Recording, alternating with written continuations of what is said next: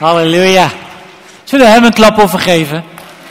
Hij is het waard te ontvangen alle eer en glorie. Hij is zo goed, hè? Ik weet niet hoe het met jullie was, maar ik was net zo aangeraakt. En dan zit ik altijd van, ja, wacht even, ik moet natuurlijk mezelf wel een beetje in proportie houden, zeg maar, want ik moet zo nog preken. Maar dat heb ik altijd geleerd op de Bijbelschool. Maar weet je dat door de tijd heen heb ik juist geleerd dat je dat niet moet doen. Dat je gewoon jezelf mag laten gaan in Hem. Want dan ben je in Hem. En dat gaat eigenlijk om ontmoetingen met Hem. En dat is zo krachtig elke keer weer om te beseffen ook van die ontmoetingen met Hem. Daar gaat het eigenlijk om. Van, uh, en soms heb je, heb je het in je auto en dan is je auto als het ware een kerk op wielen, zeg ik wel eens. Het is gewoon zo dat je een ontmoeting hebt met hem. Vanochtend ook, toen ik, met, uh, toen ik aan het rijden was, op een gegeven moment ook van zo de glorie van God in die auto. En dan denk ik altijd, oeh, wat moet dat worden eigenlijk? Maar ik weet precies wat dat wordt altijd. Dat wordt een dienst waarin ik niet zoveel tijd heb om te spreken. waarin de glorie van God heerlijk aan het stromen is. En waarin het leven van God komt. En dat is altijd zo. En daar gaat het om. Want het gaat erom dat Hij verheerlijkt wordt. Dat is alles waar het om draait. En dan zal ik misschien wat dingen aanpassen, maar dat maakt niet uit. Dat maakt allemaal niks uit. Het gaat om Hem. En het is zo mooi. Zo mooi die aanwezigheid van God. Wie heeft die aanwezigheid van God ook zo ervaren net? Ja, was zo krachtig. Ik zag zelfs engelenactiviteiten. Vooral daar in die hoek zag ik het eigenlijk. Dus ik geloof dat God echt bijzondere dingen ook over jullie aan het doen is. Dat jullie die daar zitten aan die kant. Want ik zag daar engelenactiviteit. Echt als een bliksem die naar beneden kwam als het ware van de aanwezigheid ook was daar. En dat is krachtig om, om te mogen zien, om te mogen ervaren ook. Uh. Ik mocht laatst uh, lesgeven over engelen en over de geestelijke wereld in de Europort. Het was ook leuk om te doen weer. En het werd, ik werd zelf weer bewuster ook weer van, hé, hey, God werkt op zoveel manieren. Hij zet ook zijn engelen in om sommige dingen te doen. Dat is ook hoe God werkt. Hij zet zijn geest in om sommige dingen te doen ook weer. En die werken dan weer samen. En waar God is, zijn, zijn eigenlijk ook altijd die engelen. En als wij onze ogen nu open zouden hebben, dan zouden we heel veel engelen zouden we hier in ons midden zien. Echt heel veel. Heleboel. Amen? Dat is mooi om te beseffen. Je bent niet alleen. Waar je ook gaat, je bent niet alleen. En het thema voor vandaag is, waar de geest van de Heer is, daar is vrijheid. En dat is zo mooi, dat kwam zo op mijn hart weer. En dat staat in 2 Korinthe 3 vers 17. Staat die tekst. Maar ik ga lezen vanaf de tekst daarvoor eigenlijk, vanaf vers 15. Dan is Waarschijnlijk is de schrijver van Korinthe Paulus, hè, zoals jullie weten. En dan staat daar, ja tot op heden ligt er, wanneer Mozes gelezen wordt, een bedekking op hun hart. Maar wanneer het zich tot de Here bekeert, wordt de bedekking weggenomen. De Here nu is de geest. En waar de geest van de Heer is, daar is vrijheid. Wij allen nu met een onbedekt gezicht de heerlijkheid van de Heer als in een spiegel aanschouwen, worden van gedaante veranderd naar hetzelfde beeld van heerlijkheid tot heerlijkheid, zoals dit door de geest van de Heer bewerkt wordt. En dan wil ik nog één vers lezen waar ik zo meteen nog, of nou laat ik, laat ik gewoon gaan beginnen. Wie kijkt er wel eens in de spiegel? Ja, wie heeft er vanochtend nog in de spiegel gekeken? En als je in de spiegel kijkt, dan doe je altijd even je haren goed, weet je wel? Ja, wie doet ook zijn haren goed dan? En een beetje gel erbij en alles, weet je wel, dan ben je bezig om je haren goed te doen. En s'nachts moet je ook even je haren even goed doen, want als je dan ligt te slapen, dan zie je er ook goed uit als de Heere God naar je kijkt. Altijd even zorgen dat het even goed zit. Dat is altijd belangrijk. Uh, ze zeggen wel eens als je haar maar goed zit. Dus je kijkt allemaal in een spiegel. En waarom kijk je dan in die spiegel? In die spiegel kijk je om even alles goed te doen. En dit vers waar het hier om gaat, heeft Paulus eigenlijk hetzelfde beeld wat hij neemt. Hij begint te spreken, ik hoor heel vaak waar de geest van de Heer is, daar is vrijheid, dus dan mogen we dansen, dan mogen we allerlei dingen doen. Daar gaat het hier helemaal niet over. Maar goed dat je mag dansen en allerlei dingen mag doen. Niks, te, op tegen, want de Bijbel staat er vol mee. Er staat zelfs dat we een rijdans mogen doen en zo. Een soort polonaise is dat zelfs.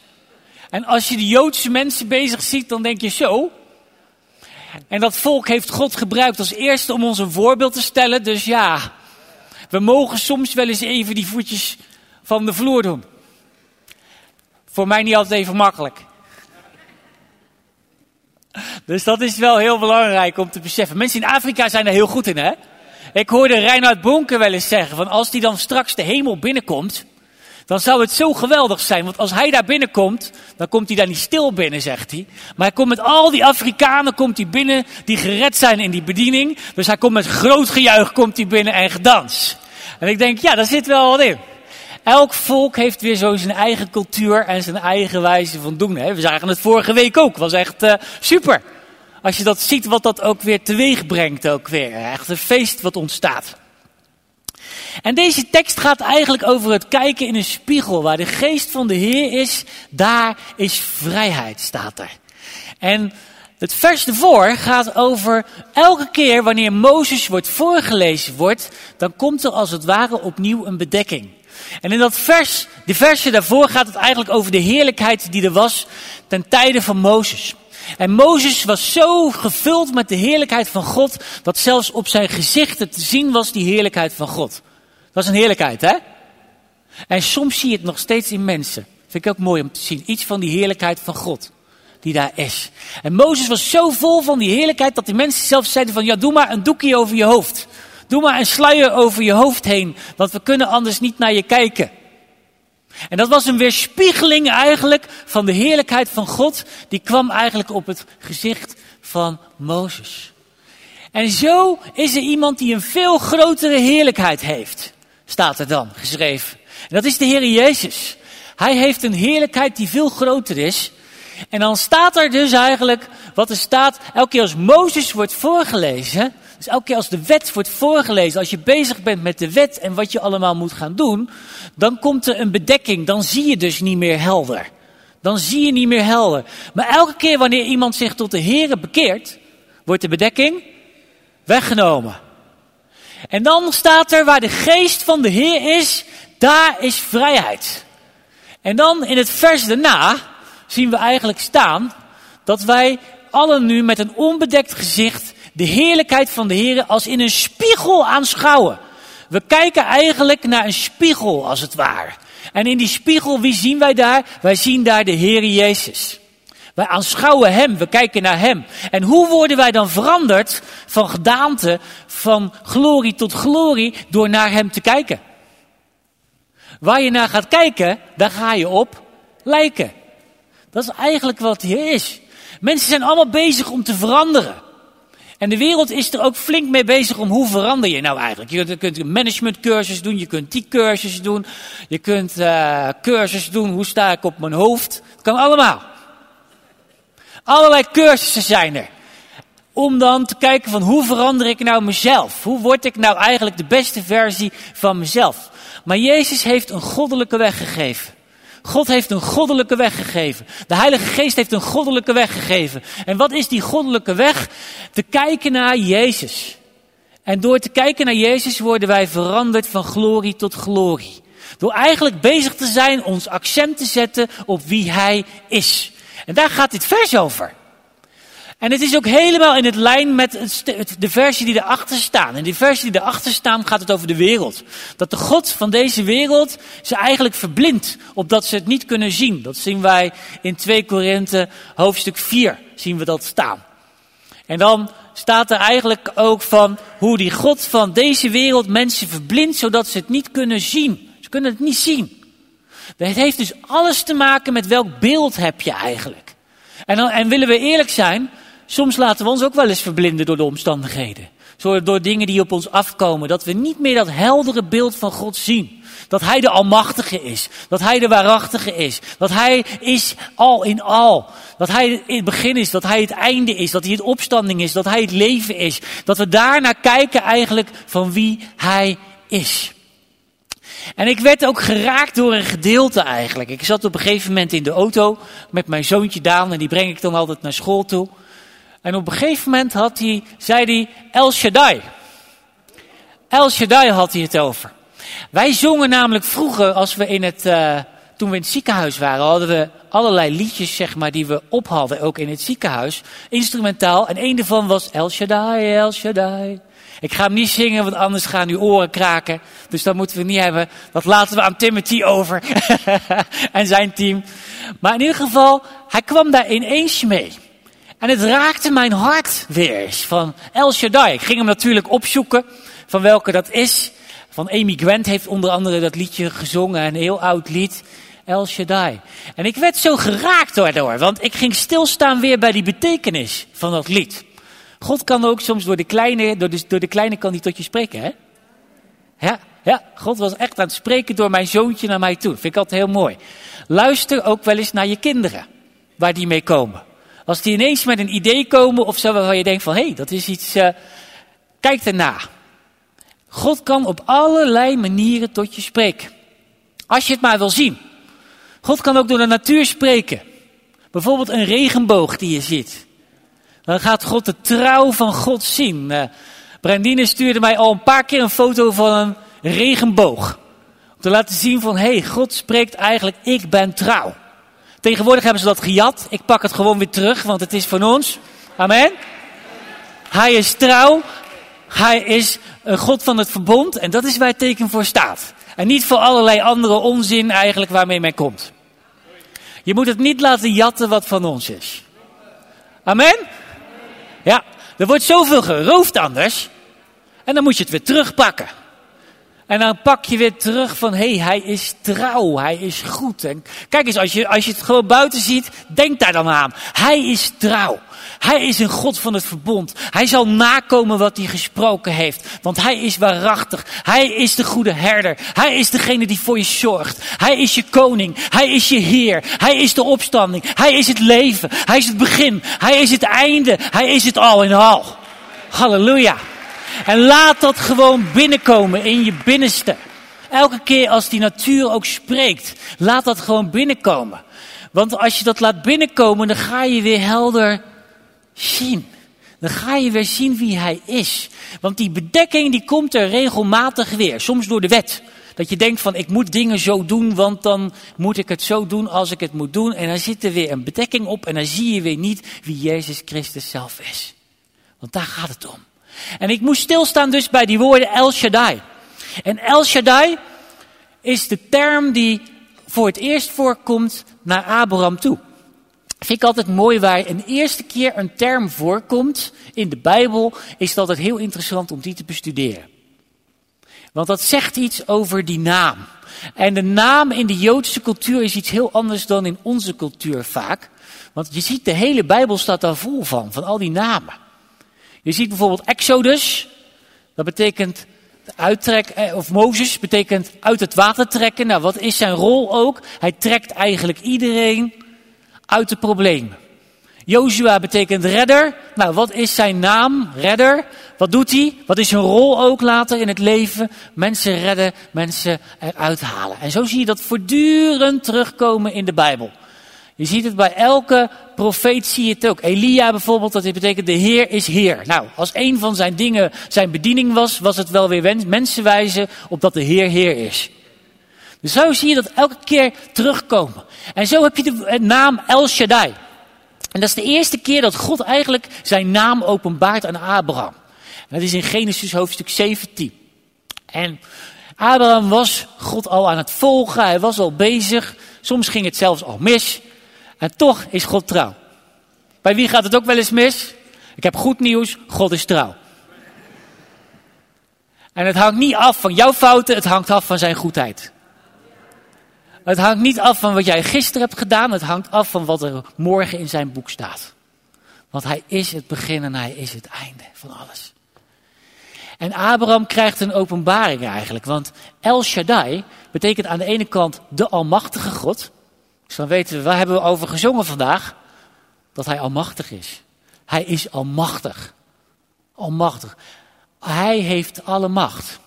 En aan de andere kant betekent het iets heel anders. Het betekent namelijk ook God met de borsten of vertroosting betekent het ook. En dat laat mij zoiets moois zien van hoe God is. God is aan de ene kant de Almachtige. Als we God zien, zien we Hem als de Almachtige. Hij is degene die het water deed splijten zodat het volk van Israël er doorheen kon gaan. Het volk van Israël kon gewoon zo over de droogte lopen. Gewoon zo door het water. En het ging ook nog weer dicht ook. Iemand heeft wel eens gezegd, die was bij een professor en die professor die zei van ja, het is allemaal niet echt. In die tijd was namelijk het water was heel ondiep, 30 centimeter. En deze man ging toen verder lezen. En toen kwam hij de volgende dag bij die professor. Professor, professor, het is dan nog een groter wonder. Want al die Egyptenaren zijn met wagens en al in 30 centimeter verdronken. Dus als mensen rare dingen zeggen, er is altijd een antwoord. Maar het betekent dus de macht van God aan de ene kant. Hij is de Almachtige. Hij heeft alle macht. En wat je situatie ook is, hij is de Almachtige. Hij is degene die doorbraak kan geven waar je doorheen gaat. Wat voor iets er ook op je afkomt, hij is de Almachtige. En hij laat het ook elke keer weer zien eigenlijk in het woord van God. We zien het in het Oude Testament, maar we zien het ook in het perfecte beeld van God. En het perfecte beeld van God is de Heer Jezus. Daar zien we ook de almacht van God. Elke keer laat hij zien dat hij almachtig is. Hij laat het bijvoorbeeld zien op het moment dat brood gebroken wordt. En 5000 mensen hebben dan eten. Of dan staat er zelfs eigenlijk vrouwen en kinderen niet meegeteld. Aparte samenleving toen, hè? Tegenwoordig zouden we gewoon iedereen meetellen en dan had je iets van 15.000 mensen misschien, of zo, die daar waren. Maar met die vijf broden, twee vissen heeft iedereen genoeg. En later zie je nog een ander verhaal ook van de vier broden. En dan zie je ook dat iedereen genoeg heeft. Hij laat zien, ik sta boven de natuur zelfs. Jezus loopt op een gegeven moment ook op het water. En niet omdat er ijs is, maar gewoon echt op het water. Hij loopt op het water en laat weer zien, alle macht heb ik eigenlijk over situaties die er zijn, over alles die wat er is heb ik de macht. De wind en de zee, die worden stil. Hij spreekt tegen die wind en die zee. Hij zegt, word stil. En het wordt stil. Dat is de macht die hij heeft. Dat is de kracht die hij heeft. Dat is de God die wij dienen ook. Dat is de God die wij dienen. Dat is de God die wij eren. Dat is de God die wij dienen. Dat is de God die in ons woont ook. Hij woont namelijk in jou. Hij woont in mij. En dat is goed om te beseffen. Dat is de hoop die in ons zit. Hè? Dat Christus Jezus in u, de hoop der zaligheid. Dus die God, die zo groot is, die woont in ons. Die woont in mij, die woont in jou. Die woont overal waar jij gaat, is die grote God. Amen? Overal waar je gaat, is die grote God. Waar je ook tegen te mee te maken hebt, die grote God is met jou. Je bent dus altijd in de meerderheid. En dat is wel fijn om te beseffen. Vind ik altijd. Ik hoor wel eens mensen dat is uh, een tijd geleden. Waren we bezig met wat demonen uitwerpen. Staat gewoon in je cv, hè? Dus dat is iets heel normaals. In jouw cv staat het ook namelijk. Toch? Ja, staat er gewoon bij. Gelovigen zullen demonen uitwerpen. Hoort er gewoon bij. Dus dat hoort er gewoon bij. Zieken zullen ze genezen, ze zullen van alles zullen ze doen eigenlijk. Dus dat hoort er gewoon bij. En we waren daarmee bezig. En iemand kwam naar me toe. Die zei van, ja, ik ben hier toch wel een beetje erg angstig voor. Want straks zijn ze sterker dan ons. Ik denk, joh, maar jij bent toch gewoon ook een christen. Dus dan moet ik altijd even nadenken hoe ik dat lief zeg. Ik moet iemand lief helpen, toch? Ik kan zeggen tegen iemand van, joh, jij moet eens een keertje geloven wie je bent. Maar ik kan ook zeggen van, hé, hey, wie woont er nou eigenlijk in jou? En dan is het vaak, ja, uh, ja, God woont in mij, Jezus woont in mij. Wordt dan schoorvoetend gezegd. Ik zeg, ja. En als God nou in je woont, is die nou machtiger of niet dan zo'n demoontje wat daar zit? Dan begin ik het te verkleinen, want het stelt niet zoveel voor, namelijk in verhouding. Ja, het is eigenlijk machtiger dan. Uh, ik zeg, nou, dan hebben we toch geen probleem. Nee, dat is waar ook. Dat is waar ook, ja. Maar toch vind ik het wel spannend, zei diegene. Zei, nou, dat mag. Je mag het spannend vinden. Je mag, er, je mag het zeker spannend vinden, maar je mag wel weten dat hij die in u is, is meer dan die buiten u staat. Hè? Dat is wel belangrijk om te beseffen, want anders wordt het allemaal wel heel lastig in het leven als je niet zo leeft. En soms moet je het even doorkrijgen dat dat zo is. En moet je het gewoon door ervaring gaan zien. Van hé, hey, wacht even, dit is wel heel leuk eigenlijk. Want het zijn leuke dingen om te doen. Vind je dat leuk dan, David? Ja, ik vind het zo mooi hoe ik mensen zie veranderen. Oh, ik vind dat zo mooi. Ik zie dan dat die gezichten zo veranderen op het moment dat je ze dan hebt weggestuurd. En dat je dan een gezicht, dat je dan die glorie van God weer ziet. En mensen weer vrij ziet komen. En helemaal weer blij zijn. Dan denk ik, oh, hebben we toch een mooie job te vervullen. En vooral ook als ik erbij stilsta, omdat het niet eens mijn werk is, maar het is zijn werk. Dus dan is het nog veel makkelijker. En ik hoef alleen maar te spreken en te doen en hij doet het. Dat vind ik zo mooi. Amen. Ik word daar blij van. Wie wordt er ook blij van? Yes. Woe. Halleluja. Halleluja. Hoort er gewoon bij. Hoort er gewoon bij. En dus die macht is daar. El Shaddai. Hij is de Almachtige. Maar aan de andere kant is hij ook de God met de borsten, zoals je het letterlijk zou vertalen. Want Shaddai betekent ook borsten, betekent ook eh, waar een zuigeling als het ware de voeding vandaan krijgt. Is dat niet mooi om te beseffen? Wij hebben God zo nodig, zoals een kindje bij de moeder God nodig heeft. Als een zuigeling. En het is een van de mooiste beelden die je kan hebben eigenlijk, van afhankelijkheid. Een kind is totaal afhankelijk van die moeder. Toch? Je krijgt dan die voeding van, van, van, van, van de moeder, wordt dan groot en sterk daarmee eigenlijk ook. En er is een levenslijn die als het ware loopt. Want dat leven dat loopt van de moeder naar het kind toe. En zo is het ook met ons. Wij hebben God ook als levenslijn. Wij moeten dus in verbinding met Hem zijn. Eigenlijk zoals een kindje bij de moeder is. En gewoon komen als een zuigeling. Veel mensen komen als een strijder bij God. En dat is mooi. Er zijn momenten waarop je als een strijder bij God mag komen. Maar in de meeste tijd ben je gewoon een kind van God. Want hun heeft die macht gegeven om kinderen gods te worden. En dan staat er nog in 1 Johannes, en we zijn het ook. Dus we zijn kinderen van God. Dus we mogen als kind bij hem komen. En als kind mag je in afhankelijkheid bij hem.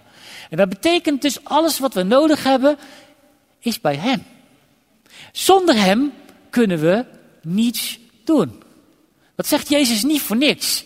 En als christen, ik vind christen een mooie term, wordt voor het eerst gebruikt trouwens in handelingen. Wisten jullie dat? Handelingen. Bij Paulus wordt hij het eerste gebruikt, deze christenterm. En waarom wordt hij gebruikt? Daarvoor waren het mensen van de weg, hè, werd het dan genoemd. Maar als christen betekent gezalfde, hè, wordt voor het eerst bij Paulus gebruikt op het moment dat hij dan demonen uitwerpt. En dan denken ze, hé, hey, die doet het net als Jezus. Christen.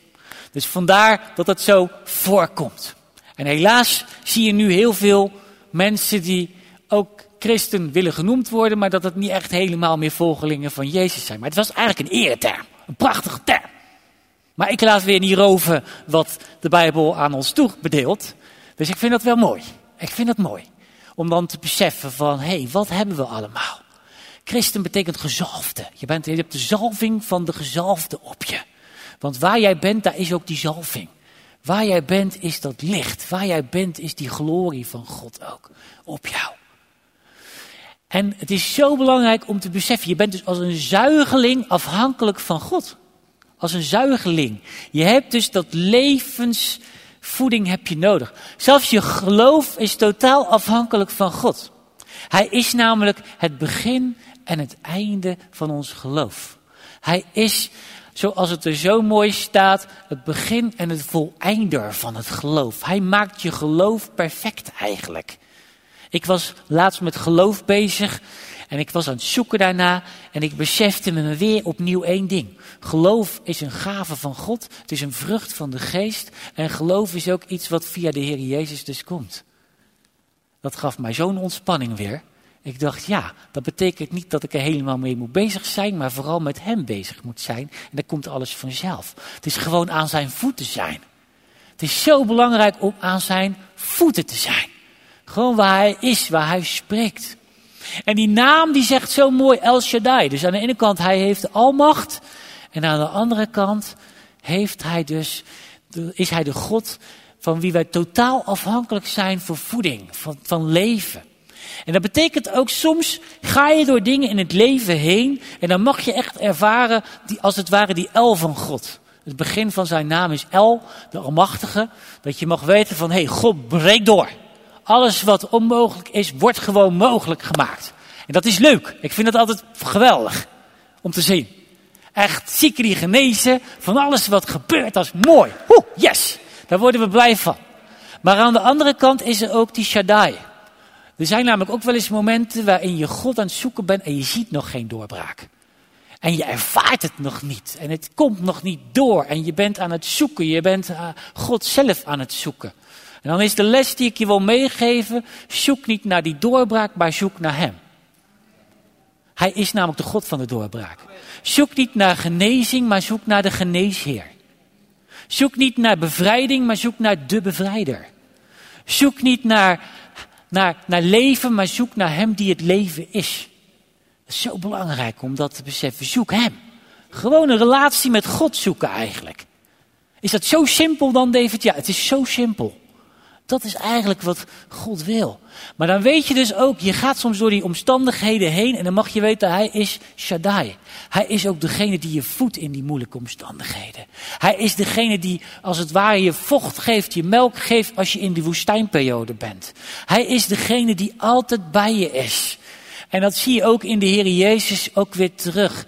Want hij zegt ook, mijn, mijn last is licht. Hè? Maar kom tot mij, alle die vermoeid en belast zijn. En ik zal u rust geven. Hij geeft je rust, waar je ook doorheen gaat. Wat je pijn ook is, wat je verdriet ook is, hij geeft je rust. Dus je hebt aan de ene kant de God van de doorbraak, dus El van El Shaddai. Hè? En dan heb je Shaddai met de moederborst als het ware van hoe je voeding hebt. En dat kwam dus allemaal door één liedje. Is dat niet bijzonder? Om dat te beseffen, één lied eigenlijk. En, want deze naam bestond al voordat Amy Grant dit ooit zong. Ja, dat is mooi hoe dat is. Hij is zo goed. En weet je, waar de geest van de Heer is, daar is vrijheid. En het heeft dus alles te maken met het zien op Jezus. Zelfs als we kijken in het woord van God, dan zie je dat je op een gegeven moment zo bezig kan zijn, ook bijvoorbeeld met geloofshelden. Hè? Met die geloofshelden die er zijn in Hebreeën hoofdstuk 11. En dan wordt er in Hebreeën, elke keer gaat het in Hebreeën over beter, beter, beter, beter. We hebben een beter offer. We hebben een, een beter, beter iemand dan Mozes staat het dan. En dat is dan de Heer Jezus. Hij, Jezus is hoger dan de engelen, ook weer beter. Alles is beter, beter, beter, beter. En dan in, die, in Hebreeën hoofdstuk 11 eindigt het dan dat er eigenlijk nog een andere weg is. Die ook weer beter is. En dan gaat het in Hebreeën hoofdstuk 12, laat uw oog daarbij alleen gericht zijn op Jezus. Dus in plaats dat je geloof bezig bent met alleen maar van, hé, hey, hoe kan ik u gehoorzaam zijn, ben je bezig in relatie en vanuit relatie werkt geloof. Alles vanuit relatie. Alles gaat vanuit relatie. Dat is het mooie van het Nieuwe Testament. Alles is relatie. Vanuit gewoon aan zijn voeten zijn, dat je bij hem komt, dat je gewoon van hem ontvangt en dat je dan weer mag uitdelen. Zo simpel is het eigenlijk. En wat is dan onze taak? Gewoon bij hem te zijn. En dan zie je dat hij, laat uw oog daarbij alleen gericht zijn op Jezus. Hij is het begin en, het, en de voleinder van het geloof. Dus dan zie je ook weer van, hé, hey, je hebt al die wandel van al die geloofshelden gehad, die ons aanmoedigen, aanroepen. Maar dan wordt er weer een betere weg aangewezen en de betere weg is kijken naar Jezus. Hij is namelijk het begin en het einde van ons geloof. Hij is al in al. Jezus is niet alleen ons geloof, heeft niet alleen ons geloof, maar hij is ook ons geloof. Hij is al in al. Hij is niet alleen iemand die wandelt en ons helpt. Nee, hij is onze goede herder. Hij is het allemaal. En daarvoor, daar gaat eigenlijk dit vers over. Waar de geest van de Heer is, daar is vrijheid. En vrijheid om te zien. Vrijheid om te zien dat elke bedekking wordt weggenomen. De bedekking wordt weggenomen om helder te zien wie Hij is. En elke keer als we steeds meer zien wie Hij is in verschillende facetten, dan zullen we ook ervaren dat, dat, dat daar weer nieuwe ontdekkingen komen van wat God weer door je heen kan doen ook weer. Want je gaat vooral op Hem zien. En dat is heel mooi. Elke keer zijn er weer nieuwe openbaringen van Hem nodig eigenlijk. Om gewoon bij Hem te zijn. Dat is het belangrijkste wat er is. Gewoon bij Hem zijn. En dat is moeilijk voor ons moderne mensen, want we willen vooral doen. Wie kent dat? Ik wil vooral doen. Maar soms moet je gewoon zijn. En zijn kan in stilte zijn. Zijn kan gewoon zijn. Als je naast elkaar bent met je geliefde, kan ook heel mooi zijn. Hoef je niet altijd van alles te zeggen. Bij mannen zijn er soms denk je dat we denken van nee, we moeten van alles zeggen. Wie kent het als man? En dan voelt voor sommige mensen voelt wel eens stilte ongemakkelijk. Wie kent dat ook? Maar stilte is iets heel moois, dat je ook gewoon bent. Want je bent dan gewoon. En zo is het ook met God. We hoeven niet altijd als we in gebed zijn. Nee, gewoon bij Hem zijn. Gewoon bij Hem zijn. En dan is daar die stilte, dan is daar die aanwezigheid, dan is daar die glorie. Ho. Halleluja. En dat is zo mooi om te beseffen elke keer weer opnieuw. Dat je gewoon in zijn glorie en in zijn aanwezigheid mag zijn. Amen. Dus daar gaat eigenlijk dit vers over. En je ziet dus dat de ongelovige, als je die wil bereiken, dan moet dus ook die bedekking, die moet weg. Want als die bedekking weggaat, dan kunnen ze het zien. En als de wet elke keer wordt voorgelezen, dan komt er weer een bedekking terug. Dus daar moet je weer voor uitkijken. Dus zo moet je elke keer zien van hoe hou je nou je ogen zodanig gericht op Jezus. Het is niet voor niks dat in de openbaringen staat ook dat we ogenzalf als het ware moeten kopen. Dat onze, dat onze ogen als het ware open moeten blijven. Dat we kunnen zien. Het gaat gewoon over de zalving trouwens. De zalving opent het weer opnieuw. Want dat is eigenlijk wat de zalving ook weer doet. Die neemt elk juk weg, die neemt alles weg wat daar is, zodat je gewoon helder kan zien. Amen? Amen? Halleluja. Ben u gezegend? Amen. Halleluja. Dank u wel, Jezus. Dank u wel, Jezus. Dan mogen jullie naar voren komen. En uh, ik wil gewoon in aanbidding bij God komen. Dat we gewoon in aanbidding bij God komen. Gewoon waar je bent. Ik geloof dat God een God is aan de ene kant van de doorbraak. En de andere kant is een God van vertroosting. Dat die twee dingen naast elkaar zijn. En als jij troost nodig hebt, zal God je troost geven. Heb je een doorbraak nodig, geeft God ook een doorbraak. Zo is God. En ik geloof ook dat God dat gewoon gaat doen ook op het moment dat wij gewoon God groot maken. Dat is gewoon wat er is.